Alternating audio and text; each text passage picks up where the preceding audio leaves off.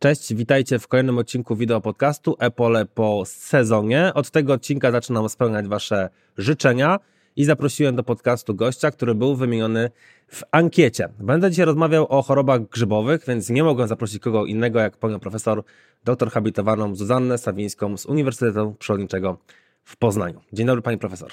Witam Państwa serdecznie. E, zacznę od takiego pytania, które czasami pada na tym podcaście. Mm, czego pani profesor ostatnio słuchała? Podcastowo albo muzycznie, jako taki wstęp do naszych dzisiejszych rozważań? No podcastowo proszę sobie wyobrazić, że ostatnio słuchałam podcastu z moim kolegą, panem profesorem Tomaszem Piechotą na temat striptilu. Bardzo mi miło. Fajnie, że aż tak szeroko się poniósł. tak, ze względu na to, że jest to temat bardzo szeroko omawiany na wielu szkoleniach, które prowadzimy. Dlatego też zawsze lubię Tomka dodatkowo jeszcze posłuchać. Dlatego też właśnie miałam okazję i chwilę czasu na to, żeby sobie posłuchać tego podcastu.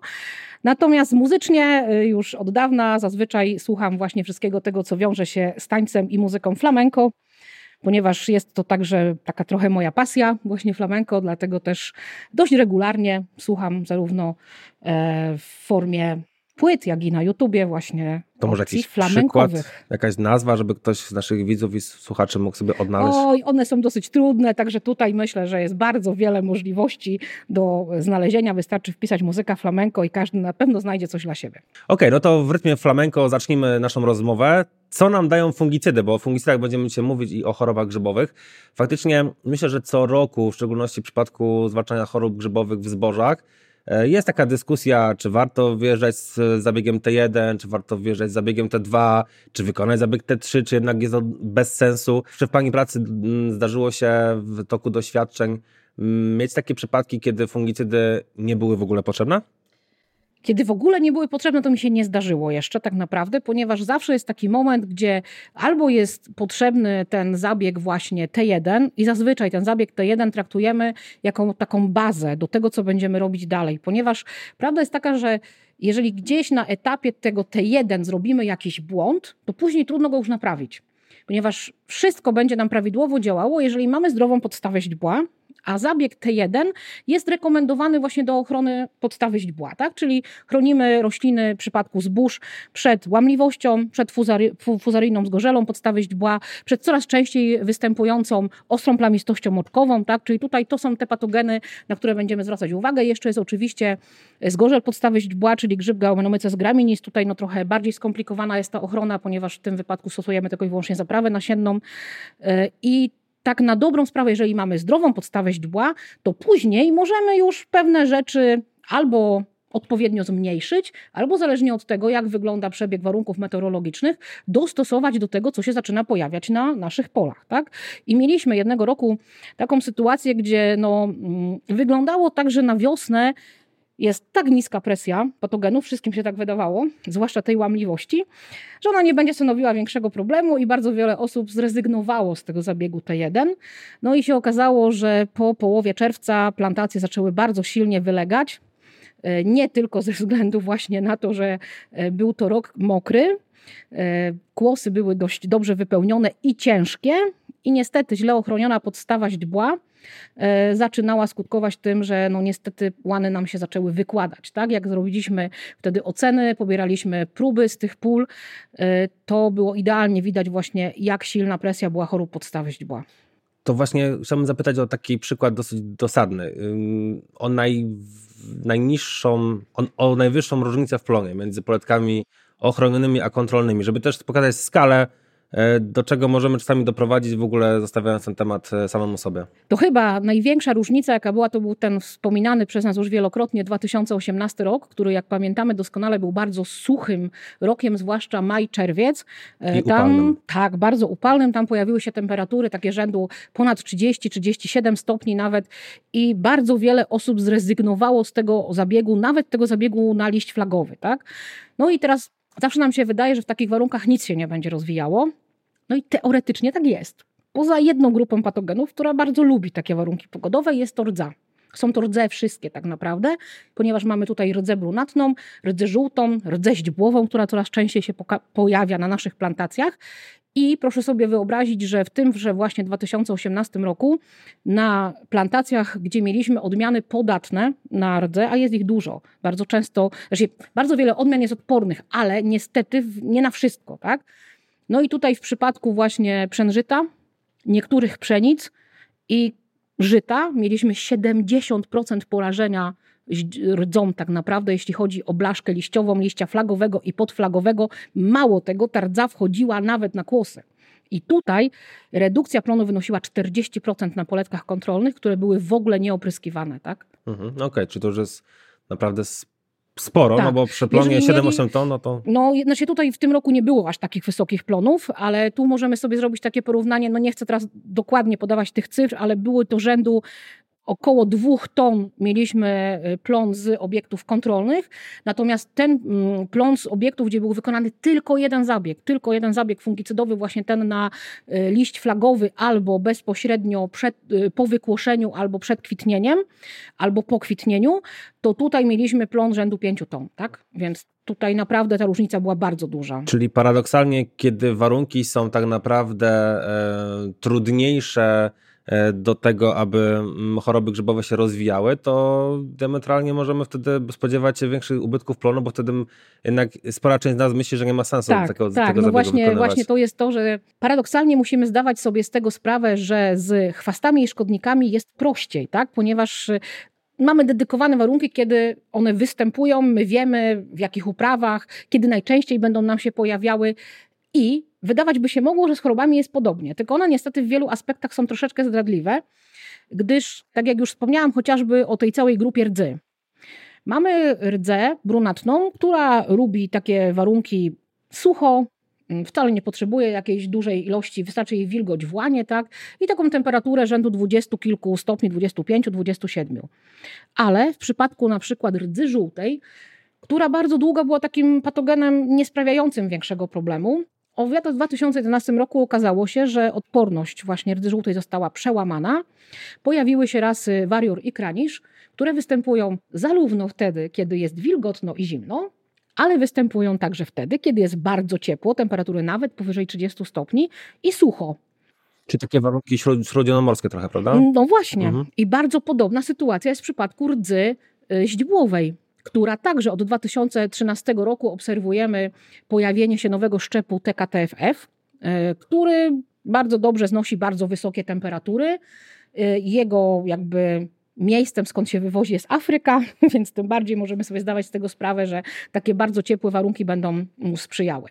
Dlatego też no, w przypadku chorób nie jest tak prosto, a jeszcze taką bardzo skomplikowaną grupą chorób, która zazwyczaj stwarza duże problemy, jest, są wszystkie grzyby z rodzaju fuzarium. Tutaj musimy zdawać sobie sprawę z tego, że niestety w naszych łanach nie występuje jeden rodzaj fuzarium. Zazwyczaj jest to kilka do kilkunastu rodzajów fuzarium, które występują na podstawie źdźbła, występują na liściach i później występują na kłosach. Tak? I teraz każdy z tych rodzajów fuzarium ma inne minimum i optimum temperaturowe. I nawet jak zwalczymy jeden rodzaj, to nagle się okaże, że został ten bardziej sucho, ciepłolubny, albo jak jest zimno i mokro, no to został ten, który woli bardziej zimno i mokro i nagle on się zacznie rozwijać, tak? A co więcej, chyba też specyfika sub, substancji czynnych też jest y, różna w stosunku do różnych y, szczepów fuzarium, A, prawda? No właśnie, dokładnie. Tutaj w przypadku fuzarium mamy jeszcze bardziej skomplikowaną sytuację, ponieważ zazwyczaj jedna substancja aktywna ogranicza występowanie trzech czterech rodzajów fuzarium. No a jak już doskonale wiemy, tych fuzariów może być właśnie nawet kilkanaście. Mhm. Okej, okay. przejdźmy może do początku. Okay. Czyli do historii fungicydów jako takich, chociaż faktycznie pierwsze związki grzybobójcze to nie są fungicydy, to są raczej, bym powiedział, e, pierwiastki, prawda, które stosujemy tak, często tak, jako, tak. Jako, jako elementy nawożenia pokarmowego. I dzisiaj coraz częściej znowu do nich wracamy. Trochę przypominamy sobie, że one są takim lekiem na takie to zło powierzchowne, tak, tak bym je nazwał. No, można to tak ładnie powiedzieć, dokładnie tak. No, oczywiście mówimy tutaj o miedzi i o siarce, tak, i jak było zawsze prowadzę zajęcia z moimi studentami, to się śmiejemy w ostatnim czasie, że wracamy do takiej historii, czy nawet, no może prehistorii to by było za dużo powiedziane, no ale na pewno do takich czasów bardzo mocno historycznych, ponieważ no pamiętajmy, że siarka, no to są czasy nawet Egiptu, tak, E, Greki, natomiast no miedź gdzieś tam datujemy na około XVI wiek, tak, początki używania miedzi. E, I proszę sobie wyobrazić, że my do tych substancji w tej chwili wracamy, tak? gdyż niestety w grupie fungicydów kontaktowych tak na dobrą sprawę została jedna substancja czynna w tej chwili, która jest, to jest folpet i innych substancji czynnych już tam nie mamy. I tylko i wyłącznie właśnie siarkę i miedź możemy zaliczyć jako e, takie fungicydy kontaktowe, ale musimy właśnie pamiętać o tym, że tak jak tutaj Paweł słusznie wspomniałeś, są to substancje pokarmowe, tak? odżywcze, żywieniowe dla, dla roślin, e, ale tutaj pamiętajmy też o tym, że pojawiają się nowe formy tych składników, czyli siarka i miedź nie tylko jako ta forma nawozowa, ale coraz częściej pojawiają się właśnie, znaczy w przypadku miedzi to już nawet były wcześniej, tak, formy typowo fungicydowe. Mhm, to znaczy ta, ta forma, mm, oczywiście poza składem i chemicznym, i wiązaniem, to jest kwestia też jak gdyby samego związania się e, tego składnika z rośliną? Tak, no tutaj jest też forma zastosowania, tak, ponieważ no, e, w przypadku siarki i miedzi możemy mieć do czynienia z formą typowo plastą, że tak powiem, czyli proszku. Możemy mieć y, typowy, typowe, typową formę płynną. W większości wypadków te preparaty, no na pewno się miedziowe były, tak, fungicydami, tak, czyli mamy y, typowo rejestrację właśnie jako fungicyd. W przypadku siarki na ten moment u nas jeszcze nie ma, ale w innych krajach europejskich jest już forma siarki, która jest typowym fungicydem. Okej, okay, a tak zapytam może na ofie, może nie. Siarkol, jak było z karbendazymem, to, to była mieszanina karbendazymu z... To była mieszanina karbendazymu z, o ile dobrze pamiętam, chyba z kwasem siarkowym, ale nie chcę się w tej chwili tutaj okay. z formą y, taką y, to teoretycznie fungistatyczną, tak? Czyli ona była takim y, typowym fungistatykiem, ale to była mieszanina właśnie. To była właśnie mieszanina i to była no w sumie ostatnia forma siarki, którą można byłoby uznać za taką y, typowo mm, fungicydową, tak? czyli taki typowy fungicyd. Okej, okay. Mm, przechodząc dalej, bodajże rok 1969 i morfoliny. Tak. grupa, która też powolutku już się z nami żegna, mimo że może jeszcze nie do końca, ale no tak, też no już tutaj, więcej... tutaj została jedna substancja, jest to fenpropidyna, ta, która została właśnie typowa w grupie morfolin. E, pamiętamy, że jest to substancja typowo wyniszczająca, działająca na mączniaka i rzeczywiście jeżeli mamy jakby duże problemy z mączniakiem, zwłaszcza tym, który zostaje z jesieni, no i takiego braku zimy, jaki mamy w tej chwili, tak, mączniak się rozwija bardzo ładnie, na wielu plantacjach już mieliśmy okazję go zobaczyć, to wtedy do formy jakby tutaj, aby zniszczyć i wyniszczyć tego mączniaka, jak najbardziej ta fenpropidyna jest uzasadniona, ale musimy pamiętać o tym, że no nie możemy pozostać tylko na wyniszczeniu, ponieważ pamiętajmy o tym, że fenpropidyna będzie miała działanie wyniszczające na mm, infekcję dwa dni przed jej zastosowaniem, no i działa mniej więcej na kolejne około, zależnie od tego, jak silna będzie to infekcja, 4-5 dni, tak? Więc no nie zapewnimy sobie pełnej ochrony. I żeby zapewnić pełną ochronę, musimy zastosować też preparaty, które będą działały zapobiegawczo. No i tu możemy wymienić na przykład proquinazid, tu możemy wymienić na przykład cyflufenamid, ale mamy też jeszcze substancję, która działa wyniszczająco i zapobiegawczo i to jest spiroksamina, tak? Czyli tutaj mamy taki jakby też możliwość połączenia tego. Do mączeka jeszcze wrócimy później. Poproszę panią profesor o taką właśnie klasyfikację, jeżeli chodzi okay. o substancje czynne. E, rok 1976 e, to są triazole. Pierwszy triazol pojawił się wtedy w tym właśnie roku. Ja tą datę pamiętam, bo to jest rok urodzenia mojego starszego brata, stąd łatwo mi właśnie, właśnie gdzieś tam zapamiętać. Skąd ty pamiętasz tą datę, bo ja, że tak powiem, dat się aż tak dokładnie nie uczę, ale rzeczywiście lata 70. Przez kojarzenie, jest, przez tak. kojarzenie. E, I triazole to jest ta grupa, która jest naj, najczęściej stosowana z, z wielu względów, i poprzez działanie, i poprzez cenę, tak, ale też wiemy, że, że mimo, że tych substancji nadal mamy sporo, no to jednak dużo mniej niż jeszcze jakiś czas temu. No tak, właśnie grupa triazoli, a w sumie tak naprawdę powinniśmy powiedzieć azoli, ponieważ tam jest więcej jeszcze tych substancji niż tylko samych triazoli. Jest to taka grupa, którą jak słusznie zauważyłeś, datujemy na lata 70. Tam jest jeszcze jedna substancja, która jest trochę starsza niż 77, już teraz nie chcę strzelać, 73 chyba, o ile dobrze pamiętam. No jest świetna publikacja na ten temat z zeszłego roku, właśnie taka przeglądowa dotycząca y, całej grupy azoli. Można sobie tam całą tą historię znaleźć, ale też nie o to chodzi, żebyśmy teraz ją cytowali. Ale właśnie, tu musimy sobie zdawać sprawę z tego, że proszę zobaczyć, to jest grupa, która dobija do 50 lat, tak? E, najnowsza substancja aktywna, która jest z grupy triazoli, to jest mefentrifluconazol i to jest 2020 rok. E, ciut wcześniej, 2006, to jest protiokonazol. A wcześniejsze to są lata 80. i 90., więc naprawdę to są substancje, które mają no, sporo lat. Tak?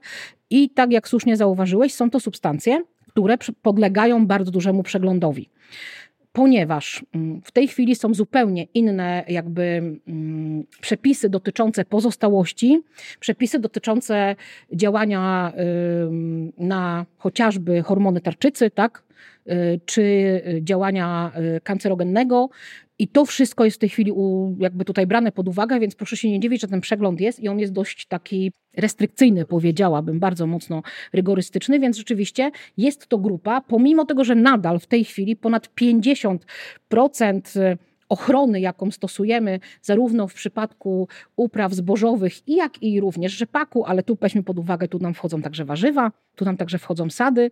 Także tak naprawdę 50 albo nawet ponad 50% ochrony, jaką stosujemy w tych uprawach, to są triazole.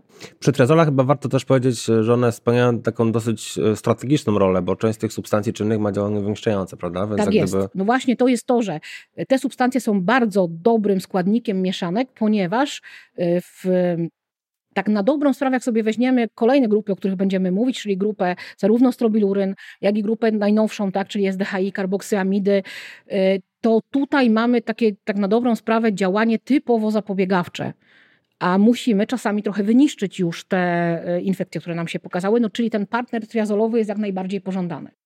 Kolejna grupa, czyli właśnie strobiluryny, to jest ta grupa znana z tego, że no, wpływa pozytywnie na fizjologię roślin, prawda? Ma działanie typowo zapobiegawcze, ale jest to też grupa, która, na którą dosyć szybko powstały odporności. Tak, i my tutaj czasami się śmiejemy, że im e, nowsza substancja i im nowszy mechanizm działania, tym szybciej, czym szybciej te odporności powstają, ale myślę, że tutaj odporność, która powstała na grupę strobiluryn, e, no niestety wynika z tego, że też to była pierwsza taka grupa, która została wprowadzona, która dawała naprawdę ogromny efekt zieloności. My sobie w tej chwili z tego nie zdajemy sprawy, ponieważ no, żyjemy już w czasie, kiedy te substancje są powszechnie stosowane, tak? ale proszę sobie wyobrazić po takim stosowaniu tylko i wyłącznie triazoli, siarki, miedzi i e, powiedzmy kilku substancji z grupy właśnie e, fungicydów kontaktowych, nagle przychodzi substancja, która mało tego, że zwalcza nam patogeny, to jeszcze daje efekt zieloności. Co prawda, pierwsze próby z substancjami z tej grupy, zwłaszcza z jedną substancją, czyli azoksystrobiną, e, no, skutkowały niekiedy tym, że niektórych plantacji nie szło zebrać, ponieważ jak się bardzo późno zastosowało jeszcze wysoką dawkę tej azoksystrobiny, to potem e, jakby żniwa były bardzo długo e, oczekiwane przez plantatorów, bo rzeczywiście długo, długo się czekało, aż te plantacje dojrzewały, ale rzeczywiście to była pierwsza grupa, która dawała efekt fizjologiczny. Ona do dzisiaj daje ten efekt fizjologiczny, tak? E, I być może rzeczywiście na niektóre w przypadku niektórych substancji z tej grupy obserwujemy dość spore odporności już patogenów na, na substancje z tej grupy, ale ten efekt fizjologiczny nadal, nadal jest, tak? Czyli jak najbardziej substancje z tej grupy do właśnie mieszanin, które będziemy robili, zbiornikowych, są uzasadnione. Mhm. Podobne, gdyby, podobne działanie, też działanie zapobiegawcze, to, są, e, to jest grupa karboksamidów, czyli SDHI, jest to grupa, która faktycznie chyba no, mm, od tego 2003 roku też tak. zmieniła trochę rynek w ogóle fungicydów. Tak, tak, bo tutaj właśnie to, co sobie powiedzieliśmy przy grupie triazoli czy azoli i właśnie y, przy grupie y, strobiluryn, jeszcze pojawia się to jedno zjawisko, o którym musimy pamiętać. Przy grupie strobiluryn pojawia się tak zwana translaminarność, czyli to są y, substancje, które działają na to, co widzimy i na to, czego jeszcze nie widać, ponieważ jeżeli będziemy mieli liść albo y, kwiat zwinięty w pączku, i on już w tym czasie, kiedy wykonujemy ten zabieg, będzie na tej roślinie, to wtedy on też jest chroniony, tak? O tym właśnie, to jest tak jakby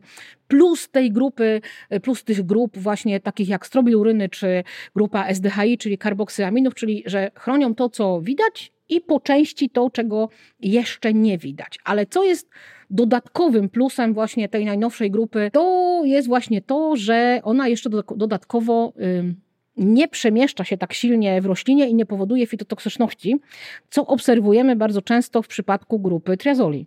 Triazole mają to, że wnikają w roślinę, są przemieszczane i bardzo często przemieszczają się do brzegów liści, tak? no ponieważ no, rozcieńczają się w roślinie, przemieszczają się do brzegów liści, i najczęściej wtedy na brzegach tych liści widzimy taką falbankę lekkich uszkodzeń. Jeżeli, będzie, jeżeli będą bardzo wysokie temperatury, albo niekiedy bardzo niskie, no to ta fitotoksyczność może być dość spektakularna.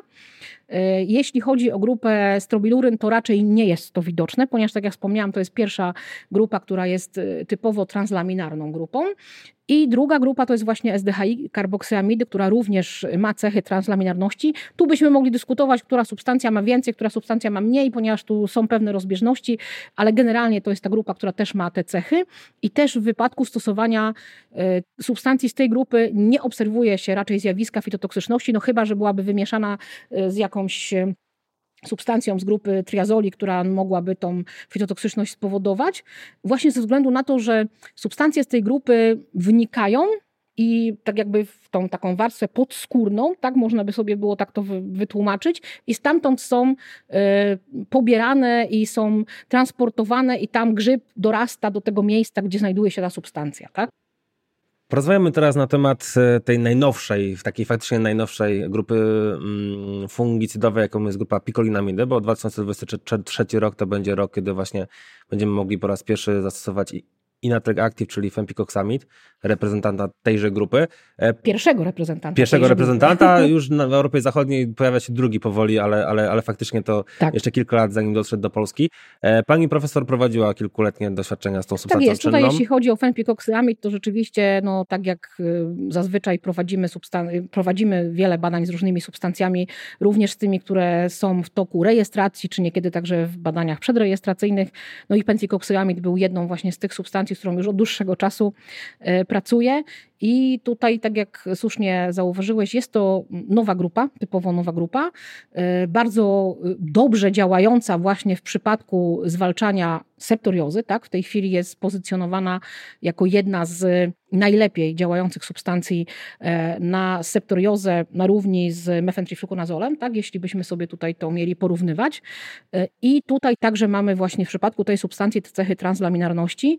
Tu jest taka jedna anegdota, zawsze związana z tą, z tą substancją, która mi się e, bardzo podoba, ponieważ jednego roku mieliśmy, zabrakło nam miejsca na naszych poletkach doświadczalnych i mieliśmy podnajęte pole u jednego, u jednego z rolników. Już tutaj nie będę wymieniać gdzie, żeby nie dochodzić, gdzie to było.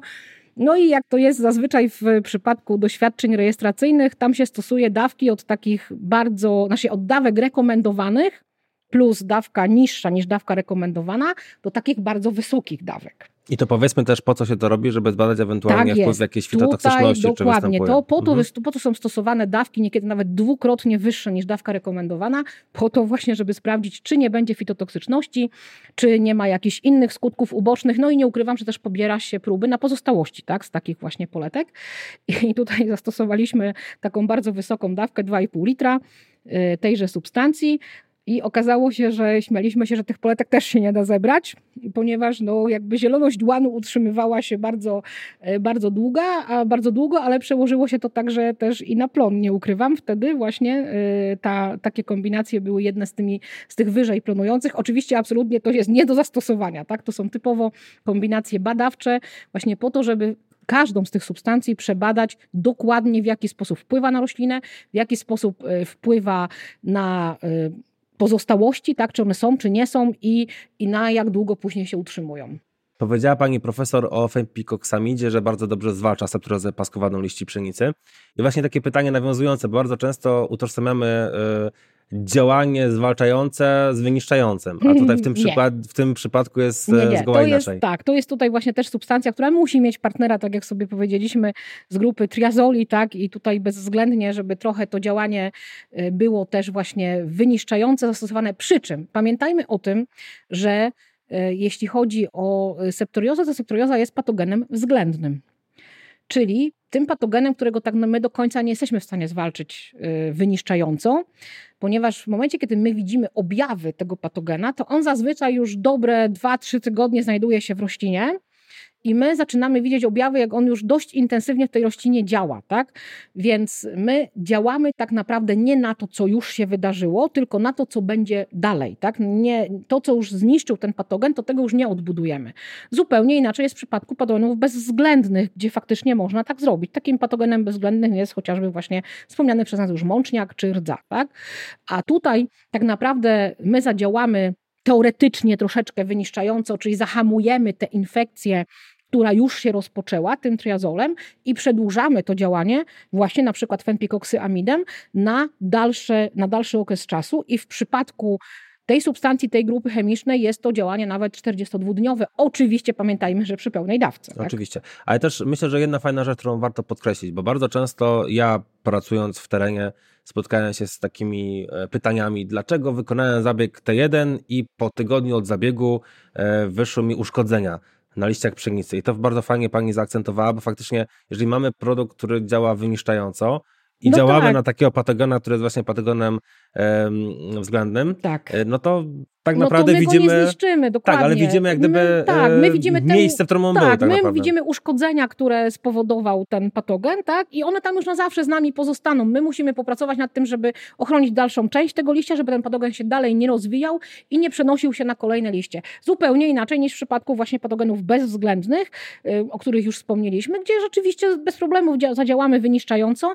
Oczywiście tam będzie widać to miejsce, gdzie ten patogen się znajdował, ponieważ ta tkanka zazwyczaj jest trochę bardziej żółta, e, taka nie do końca fotosyntetyzująca, tak jak normalny, normalny fragment liścia, ale tam zadziałamy każdym typem fungicydu. Tutaj już nie, tak? Tutaj tak na dobrą sprawę w tych tkankach, które są uszkodzone, już żaden fungicyd nam nie zadziała. Okej, okay. czyli inatrek fempikoksami to przede wszystkim septuroza paskowa na liści pszenicy, tak działanie jest. zabezpieczające, też duży wpływ taki fizjologiczny e, na tak, życie ten rośliny. Efekt, tak, ten efekt rzeczywiście tutaj e, fizjologiczny, czyli tego takiego łanu zielonego e, jak najbardziej jest widoczny. Mhm. I co jeszcze? Co jeszcze? Na pewno rdza, tak? Czyli na pewno jest to te, tutaj też ta grupa patogenów z grupy rdzy właśnie, którą, na którą też zadziałamy tą substancją aktywną bardzo ładnie. Bardzo ciekawe rozwiązanie w jęczmieniu, tak? Także jeśli chodzi o właśnie tutaj zwalczanie chociażby rynchosporiozy, czy plamistości siatkowej, jak najbardziej tutaj w tych mieszaninach, które testowaliśmy, bardzo ładnie ten y, fenpikoksamid nam się sprawdzał. Mhm. Fenpikoksamid działa gdyby na cykl oddychania yy, grzyba i mimo, że w tej samej grupie mamy strobiluryny czy SDHI, to, to, też mówimy o tym, że to jest inny mechanizm tak, działania, tak, bo, tak, oddziałuje w innym właśnie, miejscu. Tak? Na tym no. polega ten inny mechanizm działania, także tutaj rzeczywiście, jeśli chodzi o strobiluryny właśnie, czy grupę SDHI, y, fungicydów SDHI, no niestety, niestety, no stety, tak, no bo tak one działają, działają one na cykl oddychania, ale właśnie fenpikoksyamid, czyli ta nowa grupa chemiczna działa w innym miejscu. Czyli nie dochodzi nam tutaj do kumulacji zjawiska odporności, tylko wręcz przeciwnie, jest to jak najbardziej partner w przypadku pojawienia się zjawiska odporności na grupę strobiluryn czy na grupę SDHI. Mhm. To może teraz porozmawiamy na temat właśnie odporności, bo tak nie musimy sobie udowadniać, że odporność e, przy chwastach jest problemem dużym, bo czy to miotła, czy wyczyniec, czy haber, to są problemy znane i rozpoznawalne. Bo to widać. Bo to widać, dokładnie. Tak, jeżeli chodzi o świat fungicydów i chorób grzybowych w Polsce, to mam wrażenie, że temat odporności istnieje tylko w przypadku zarazy ziemniaka. E, tak, bo ta jest najbardziej widoczna i tutaj rzeczywiście jakby Najbardziej spektakularne są e, rzeczywiście efekty e, działania zarazy ziemniaka. Tak? W ziemniaku po prostu nie ma ziemniaków, jak nie zadziała nam fungicyd. Natomiast w przypadku e, patogenów, gdzie obserwujemy największe odporności w Europie, czyli na przykład septoriozy, wspomniane już przez nas wcześniej, ale także mączniaka, ale także rdzy, które już coraz częściej się pojawiają, tu jest troszkę trudniej, bo tu już się trzeba nad tym łanem pochylić i tak jak sobie powiedzieliśmy, no tu nie będziemy mieli 70% spadku plonu, jak w przypadku tych ziemniaków, tylko ten spadek plonu będzie nieco mniejszy. Jeśli chodzi o na przykład brak działania, to może być e, takie obniżenie skuteczności w przypadku, e, jeżeli pojawi nam się szczep odporny, e, nawet do 30% tylko, tak?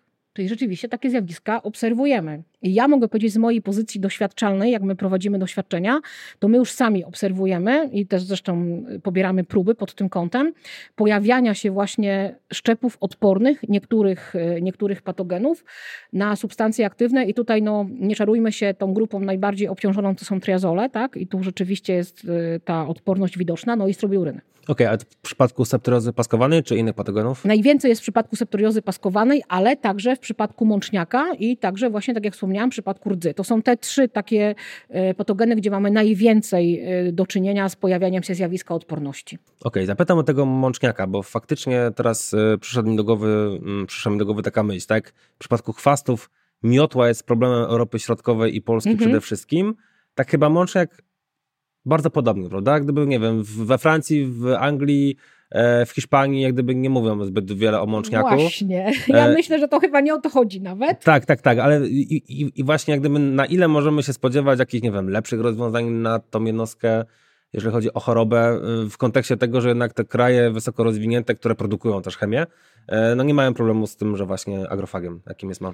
To znaczy się, tutaj wyc polega na tym, że tak powiem, że y, wszystko zależy od doboru odmian.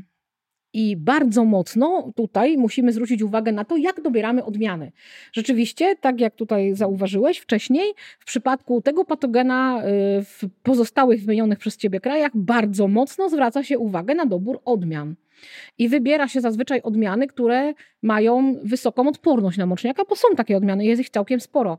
Tylko niestety też prawda jest taka, że u nas ten wybór tych odmian jest troszeczkę mniejszy, ponieważ no, my mamy jednak ryzyko pojawiania się opcji wymarzania. W tamtych krajach to ryzyko jest dużo, dużo mniejsze, więc też ten dobór tych odmian jest troszeczkę większy. To jest jeden powód, e, dla którego nie ma tego mączniaka. A drugi powód, gdzie musimy też bardzo mocno się uderzyć w pierś sami, to jest zbilansowanie dawek nawożenia azotem. Ponieważ pamiętajmy na, o tym, że azot jest głównym żywicielem patogenów, a tak na dobrą sprawę Blumeria graminis, czyli y, patogen powodujący mączniaka, uwielbia azot. No uwielbia azot. I jeszcze kolejna kwestia to jest zwartość łanu.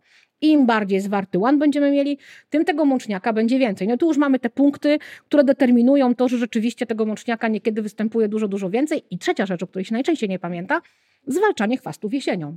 Bo pamiętajmy o tym, że jeżeli Zielony mamy... most.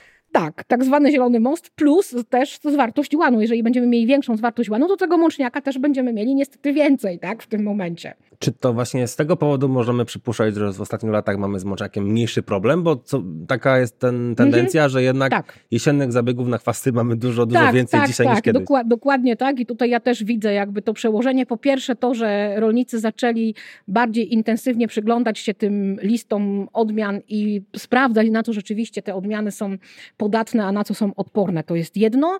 Drugie, uregulowanie e, normy wysiewu, bardzo dostosowanie do, do, do, do swojego pola, do swoich warunków. Trzecie to jest właśnie to, że mamy e, ograniczone, ograniczone porażenie ze względu na to, że wykonujemy właśnie zabiegi herbicydowe jesienią, tak, także to wszystko nam się tutaj kumuluje i rzeczywiście tego mączniaka jest, y, znaczy inaczej, obserwujemy dużo mniejszy procent tego mączniaka, ale teraz uwaga, jeszcze mączniak jest moim ulubionym patogenem, dlatego, że mączniak jest to patogen, który jest w 100%, inaczej, jest rozpoznawany przez 100%, stu, 100% studentów i rolników, tak na dobrą sprawę, ponieważ zawsze jak mam zajęcia z roślinami, y, to y, wszyscy potrafią bez żadnego problemu rozpoznać mączniaka i ja zawsze się śmieję, że większość y, jakby problemów z tym mączniakiem wynika z tego, że wszyscy potrafią go rozpoznać. Jest fotogeniczny. Tak, jest Coś. bardzo fotogeniczny, tak, ładny, bez problemu można go znaleźć. Łan wygląda, jakbyśmy go posypali mąką, no więc specjalnie nie trzeba się tutaj wielce zastanawiać.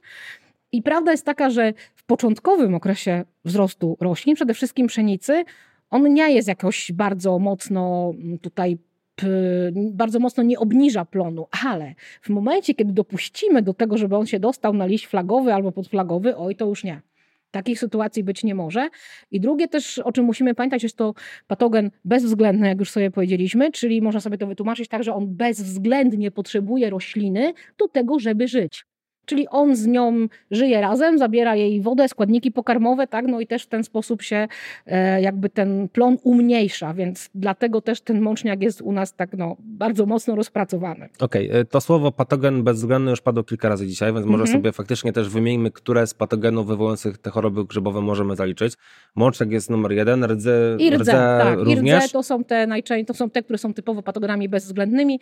Patogenem bezwzględnym jest także śniedzi głownia, ale no tutaj to, jest, to są patogeny, które są zwalczane przy użyciu zapraw nasiennych, więc dzisiaj nie będziemy się nad tym aż tak bardzo koncentrować, yy, ale też proszę, no, można sobie to w ten sposób wytłumaczyć, proszę zobaczyć, ten patogen żyje cały czas z tą rośliną do momentu, aż nie wytworzy ziarna, w którym znajdują się jego zarodniki. Skrót myślowy też, który chyba myślę, że możemy użyć. y, Patogena bezwzględnego jesteśmy w stanie interwencyjnie, wyniszczająco Tak jest. zwalczyć. Możemy patogena bezwzględnego, możemy bez problemu zwalczyć na każdym etapie jego rozwoju na roślinie i zadziałają tam tak naprawdę każda z substancji, którą zastosujemy, zadziała, zadziałamy wyniszczająco i zadziałamy zapobiegawczo i mamy piękny, piękny kompleks, że tak powiem, długości działania wtedy. Odróżnienie od patogenów względnych, tak, gdzie ta lista jest dużo, szersza, tak, prawda? Tutaj mamy dużo. No tutaj możemy wymienić septoriozę, tu możemy wymienić brunatną plamistość liści, tu wymienimy plamistość siatkową, rynchosporiozę, choroby podstawy źdźbła, wszystkie, wszystkie płaskie choroby, tak bym to nazwał.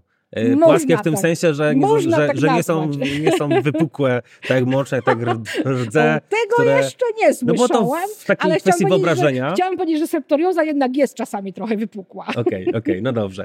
E, Ale też moglibyśmy tutaj wy, wykroczyć poza świat zbóż, no bo chociażby Oczywiście. zgnilizna to jest też idealny chyba przykład pasożyta Tak, tak, względnego, tak, czy dokładnie. chwościk buraka. Na przykład. Dokładnie Mhm. tak. Dokładnie tak. Tutaj, jeżeli byśmy szerzej poszli, to oczywiście ta grupa patogenów względnych jest dużo, dużo szersza. I tutaj e, działanie zabezpieczające to jest chyba clue. Od Tak, tego trzeba zacząć. Tak naprawdę tu powinniśmy zapobiegać niż leczyć, tak? Bo ich nie, jak już sobie powiedzieliśmy, nie tego, co już ten patogen zniszczył, nie wyleczymy w żaden sposób. No okej, czyli tak naprawdę tylko na mączniaka i na rdze jesteśmy w stanie działać wyniszczająco, Mhm. czyli ewentualnie reagować na bieżąco, a do każdej innej choroby musimy jednak podejść z wyprzedzeniem. Tak, musimy jakby zastanowić się nad tym, e, że no my, to co my zobaczymy, to jest w momencie, kiedy już wcześniej się coś tam zadziało. Nie? To jak do tego ma się integrowana ochrona roślin, też w kontekście monitoringu i też reagowania wtedy, kiedy jest O, choroba. I już właśnie zaraz się tutaj wypowiem, no ponieważ w przypadku niektórych patogenów, nie mówię, że wszystkich, ale na przykład suchej znilizny kapustnych, mamy możliwość monitoringu przy użyciu pułapek Burkarda na przykład, tak?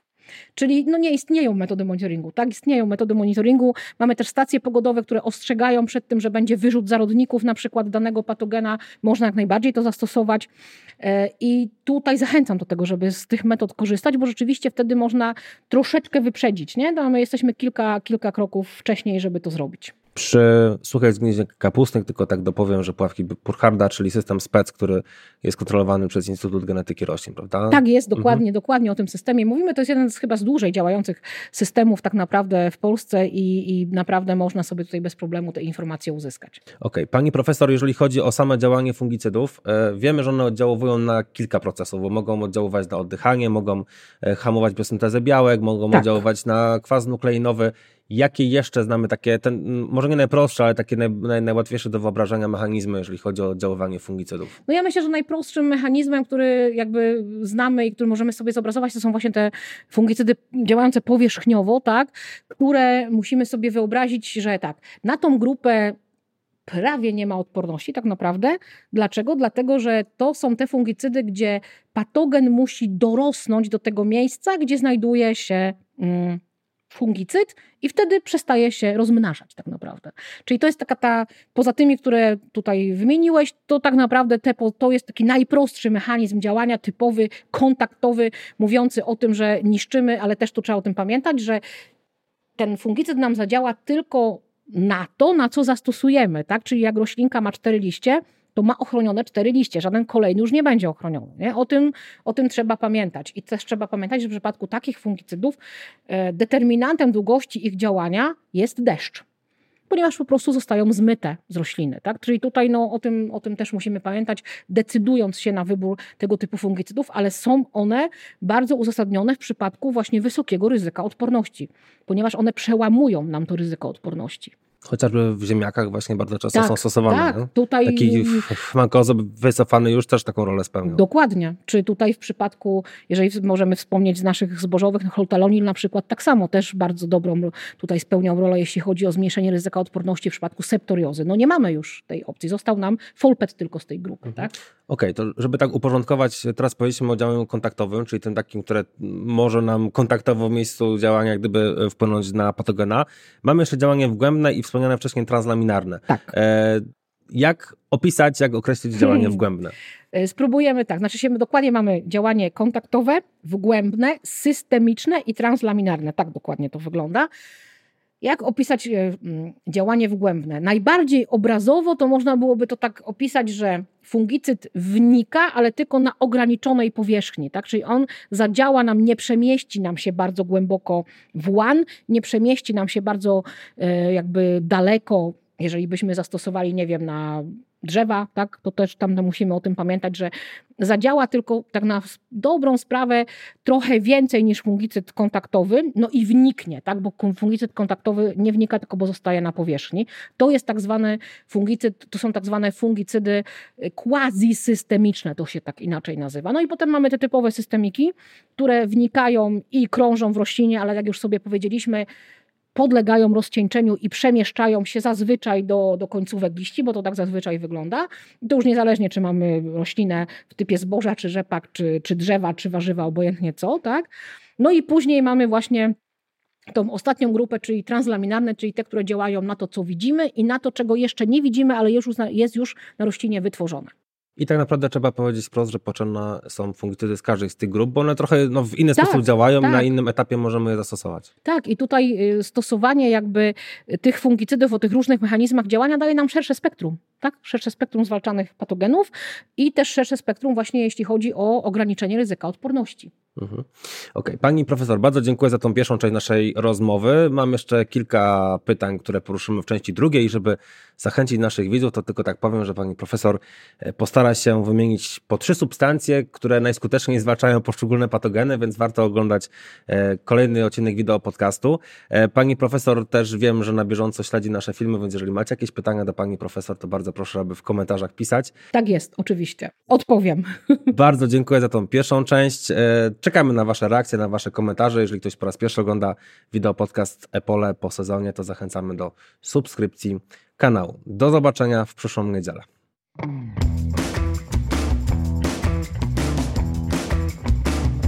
Patronem wideo podcastu Epole po sezonie jest Corteva AgriScience